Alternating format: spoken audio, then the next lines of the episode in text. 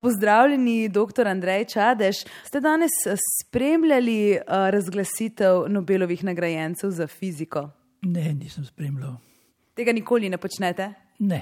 Kdaj ste zvedeli za današnjo Nobelovo nagrado? Danes zjutraj je kolega prišel, pa mi je to povedal, Doktor Andrej Čadež, kako zelo ste zadovoljni, da so Nobelovo nagrado za fiziko letos sprejeli znanstveniki Rainer Weiss, Barry Barish in Kip Thorne za prvo eh, neposredno potrditev obstoja gravitacijskih valov? Uh, jaz sem gotovo zadovoljen. Uh, premišljal sem, kdo bo to nagrado dobil. Ko sem slišal v, na obovetniku od Ratja danes, da je to njihovo delo, tle se mi zdi pa, da mogoče ni čist prav. Ne? ker tukaj eh, za ta nagrada gre za ogromno skupino ljudi, po moje, je tukaj en, eno, eno ogromno delo bilo narejeno, ki je pravzaprav trajalo 50 let, ne, te tri je gospodje. Ne. Zdaj jaz poznam Kipa Torna, poznam Reinarja Vajsa, Berja Beriša, pa nekaj je kas, prišel kasneje k projektu. Za Kipa Torna vem, da je bil motor tega, eh, rekel, ampak motor v duhovnem smislu, bi rekel, ker eh, Obžalujem pa to, da je Ron Driver, ki je po mojem mnenju zelo, zelo zaslužen za ta projekt, ne, je umrl letos, ne, tako da na žalost ni prišel poštev za Nobelovo nagrado. Ne. To ni samo eh, rekel znanstveni dosežek, ampak tudi fantastičen tehnološki dosežek, da se je kaj takega lahko zgodilo. Ne. Odkritje je pred dvema letoma veljalo za senzacijo, ki so mu tudi že takoj eh, napovedali Nobelovo nagrado. Eh, tudi iz inštituta Karolinska so danes eh, ob razglasitvi dejali, da nagrado podeljujo za revolucionarno odkritje, ki je pretreslo svetno, tako je dejal vodja Švedske kraljeve akademije znanosti Goran Hanson. Ja, mislim, da je to absolutno res. Da sem že enkrat omenil to, ne, da je pač to eno odkritje, ki je začetek nečesa zelo novega, ravno tako kot je bila recimo Maxwellova teorija z elektromagnetnega polja, ne, tista, ki je začela so našo tehnološko revolucijo, računalniki, televizija, radio in tako naprej, ne, se je vse razvilo iz tega. Ne, je to nova teorija gravitacijskega polja, ne, to se pravi, teorija gravitacijskega polja je bila narejena, ampak ta potrditev ne, predstavlja en podoben začetek, kot je bil recimo po začetki radio fuzije in tako naprej. Pravi, pričakujemo, da bomo zelo veliko zvedeli o našem vesolju na podlagi teh signalov.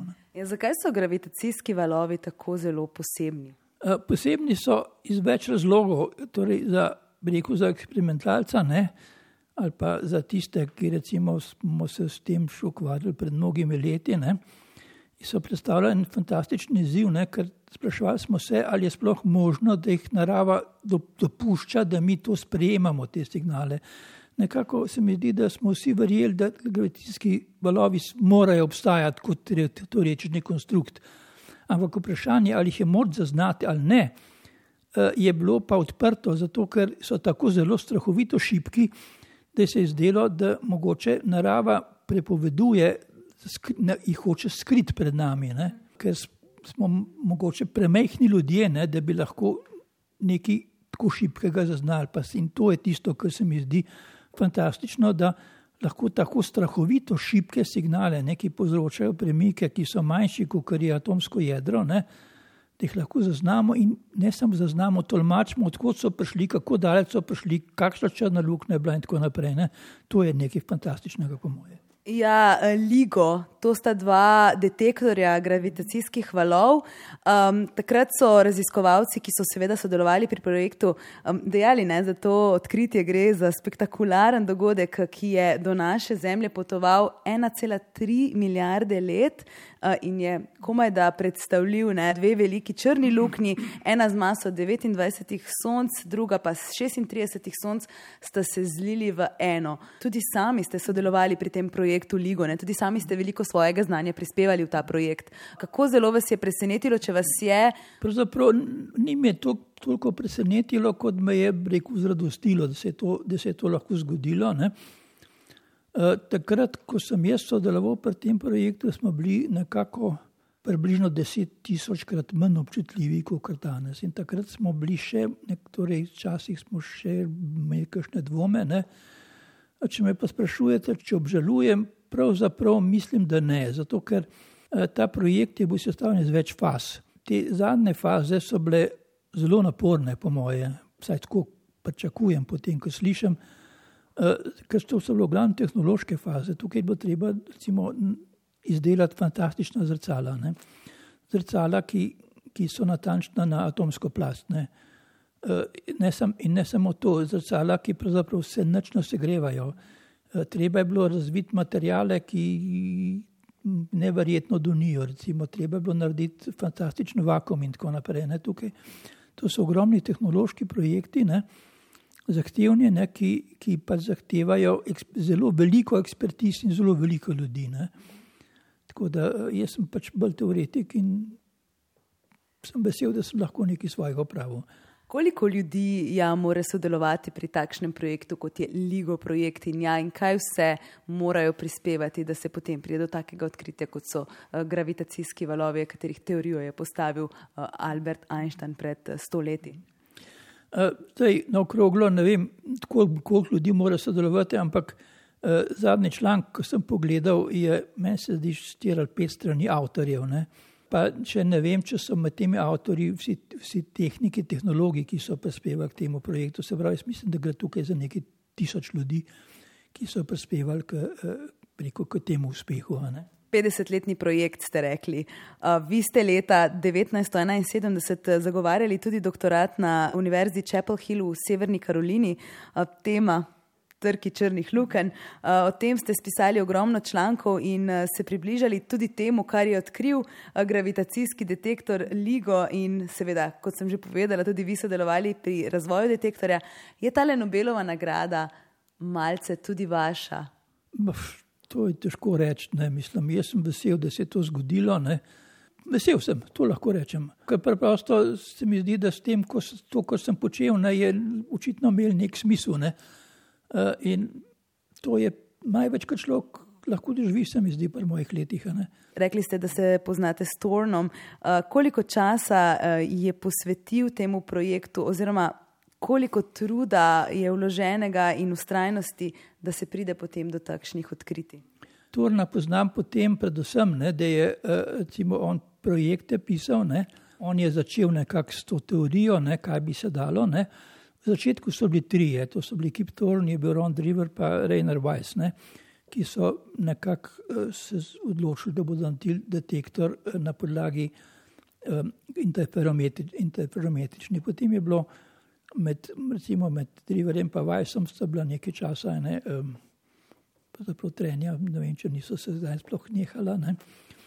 Uh, jaz mislim, da je tukaj uh, Driver zmagal, ne, čeprav nažalost je umrl. Ne. In ne samo to, ne, eh, da pravzaprav v, v nekakšni prestižni bitki ne, eh, je, je Driver izgubil, ampak eh, zato bi danes to z veseljem nekako povem. Ne, kajti z Driverjem je bila velika prijatelja, zelo sem ga moral. In mislim, da je, da je pravzaprav ta njegove ideje, ne, so bile tiste, ki so, ki so bile ta prave ideje za detektor gravitacijskih valov. Ne.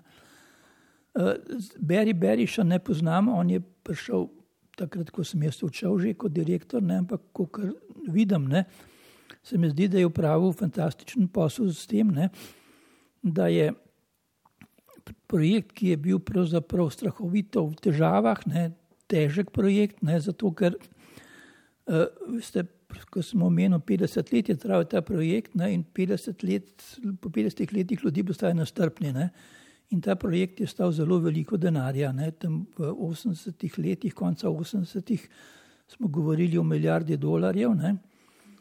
Eh, in uh, ameriški fiziki, drugi, ne, so nekako blizu rekli, da bi on tudi oni radi kaj denarja dobili ne? in da ta projekt eh, ne prenese nič, ničesar. Ne?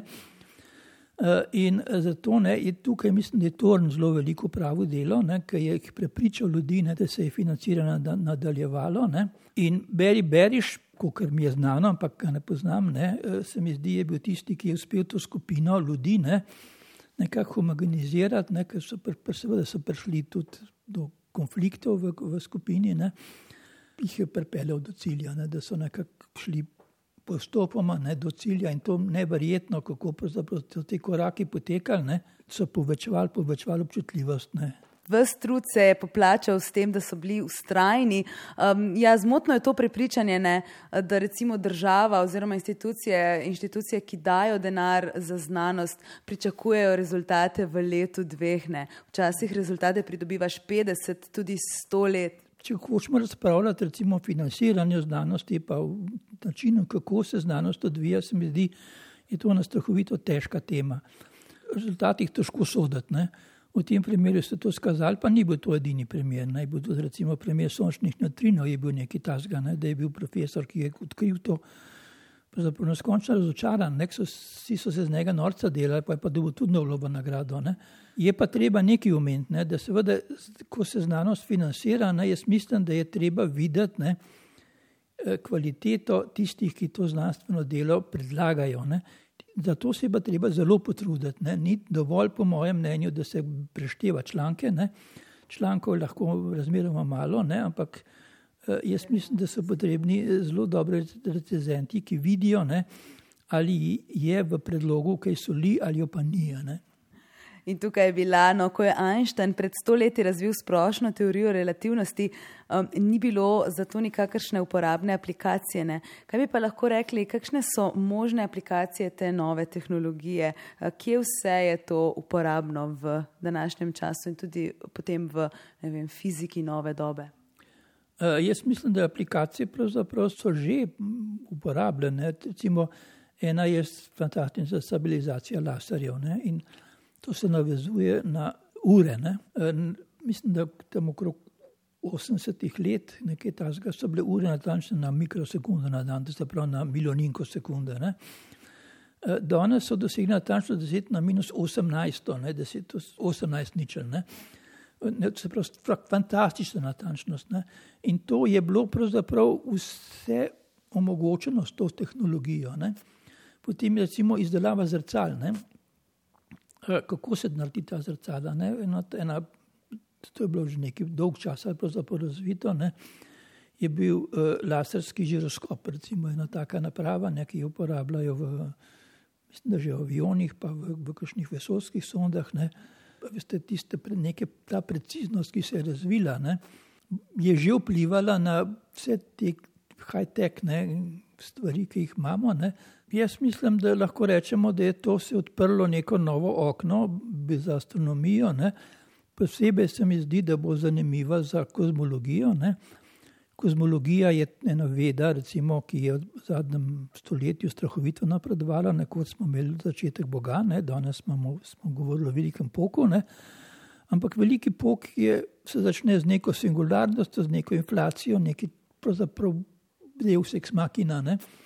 Uh, odkritje gravitacijskih valov ne, bo vodilo, se mi zdi, do začetka vesolja in jaz mislim, da bo to verjetno tista največja znanstvena revolucija, ki se bo povzročila. Ampak pustimo se presenetiti, če nobena odkritja ni bilo tako, eh, bi rekel, se ni razvilo tisto smer, za katero so ljudje pričakovali, da se bo. Ne.